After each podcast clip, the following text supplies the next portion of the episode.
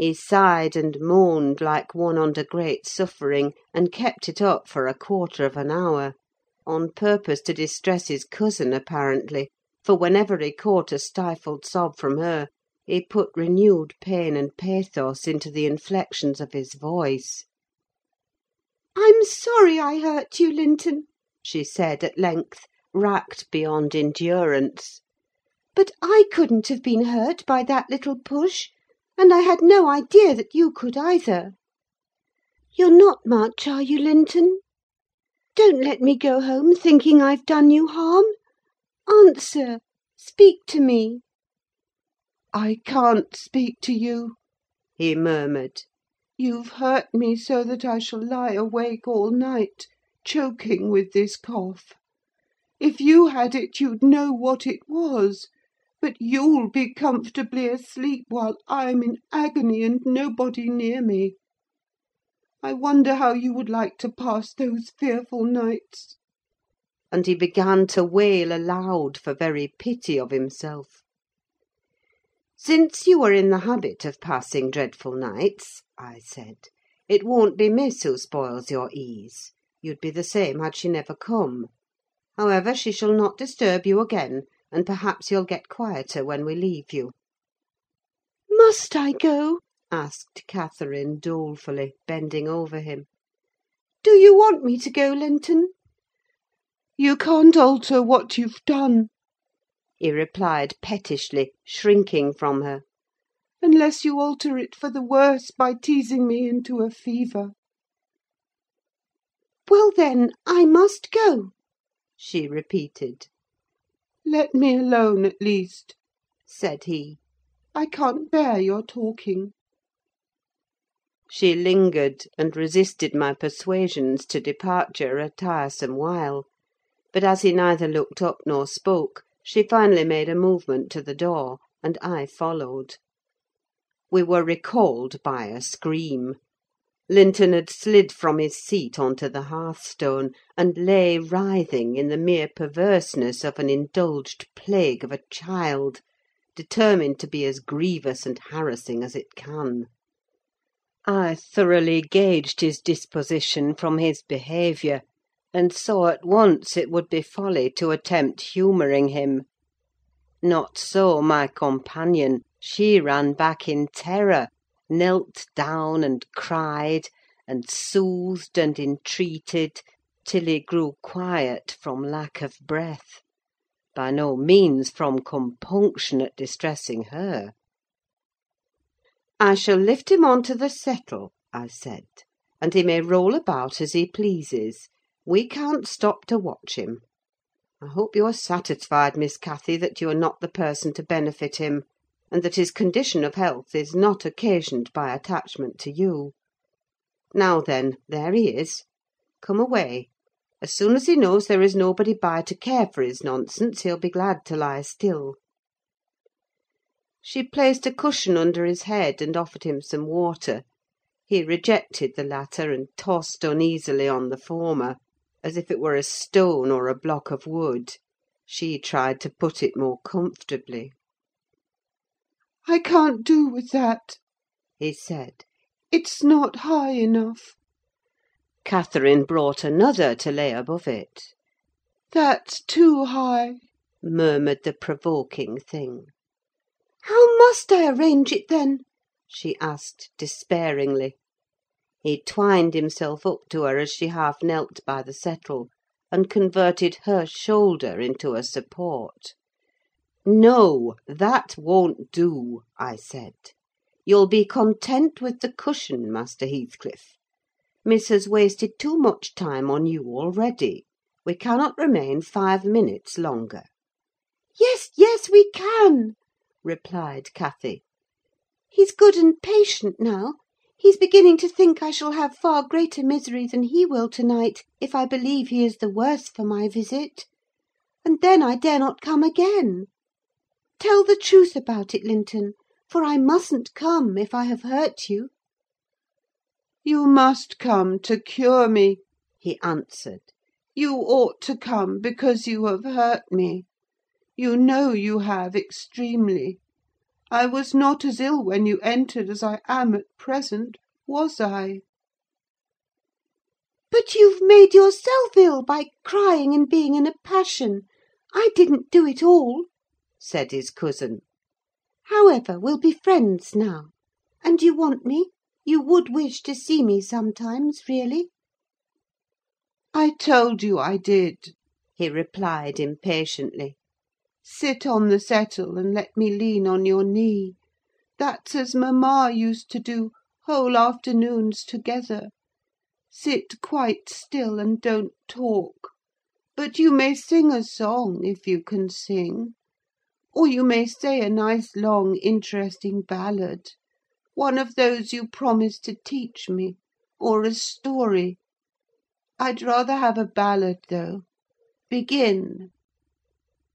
Catherine repeated the longest she could remember: the employment pleased both mightily.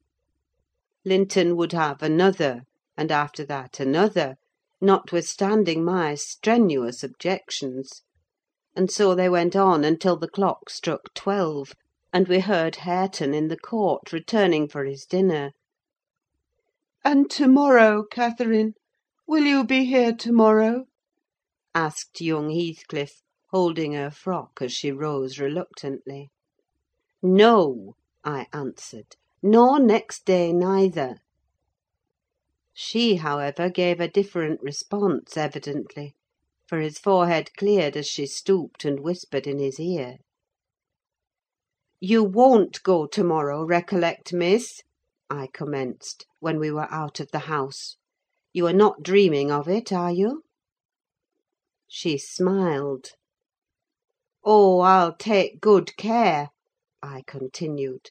"I'll have that lock mended, and you can escape by no way else." "I can get over the wall," she said, laughing. "The Grange is not a prison, Ellen, and you're not my jailer.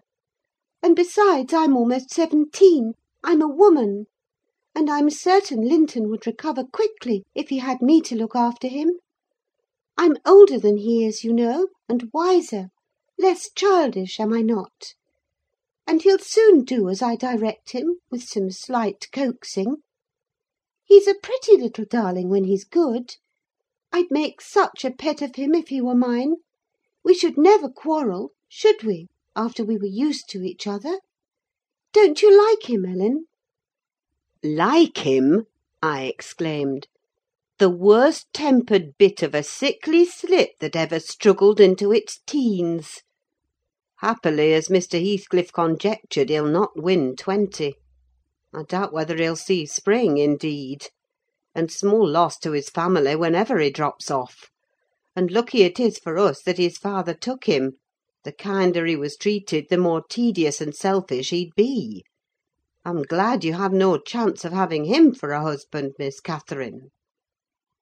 My companion waxed serious at hearing this speech: to speak of his death so regardlessly wounded her feelings.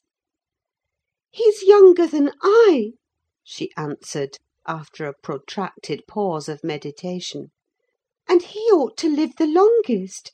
He will: he must live as long as I do. He's as strong now as when he first came into the north: I'm positive of that. It's only a cold that ails him, the same as papa has. You say papa will get better, and why shouldn't he?" "Well, well!" I cried. "After all, we needn't trouble ourselves. For listen, Miss, and mind I'll keep my word.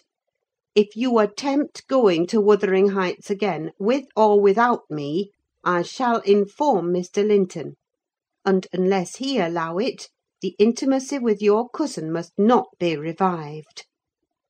"It has been revived," muttered Cathy, sulkily.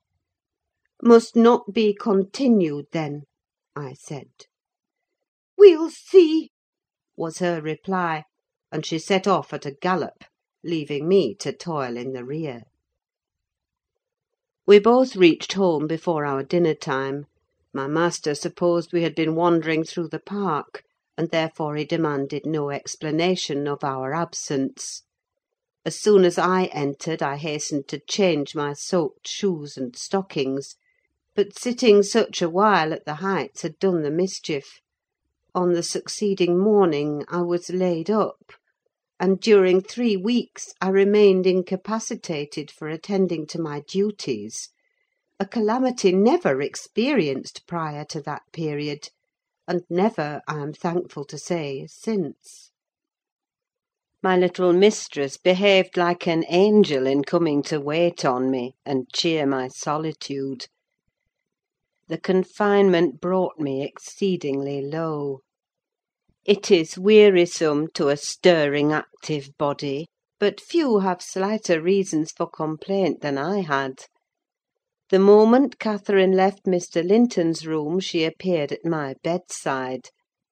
Her day was divided between us: no amusement usurped a minute; she neglected her meals, her studies, and her play; and she was the fondest nurse that ever watched. She must have had a warm heart, when she loved her father so, to give so much to me. I said her days were divided between us; but the master retired early, and I generally needed nothing after six o'clock: thus the evening was her own. Poor thing! I never considered what she did with herself after tea; and though frequently, when she looked in to bid me good night, I remarked a fresh colour in her cheeks, and a pinkness over her slender fingers, instead of fancying the line borrowed from a cold ride across the moors, I laid it to the charge of a hot fire in the library.